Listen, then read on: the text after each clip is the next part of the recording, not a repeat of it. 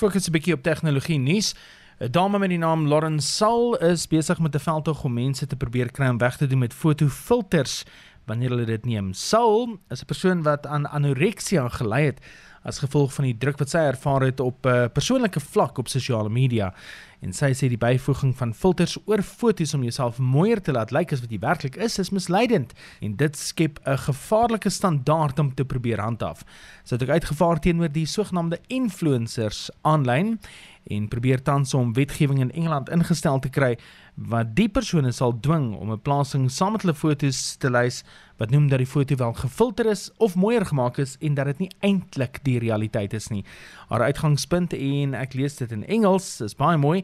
If your mind is constantly filtered, you will never know what reality actually looks like or is.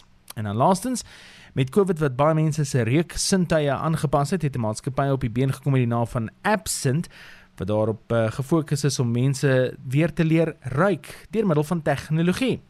Byna soos mense wat weer moet leer loop. Rob Rook 'n gewilde chef in Engeland is een van die mense wat sy reuksintuie verloor het as gevolg van die pandemie en hy hoop om sy reuk weer terug te kry. Sy een van die groot name wat ingeskryf het by Absent om te kyk of hulle tegnologiese vordering kan help om hom sy reuksintuie terug te gee.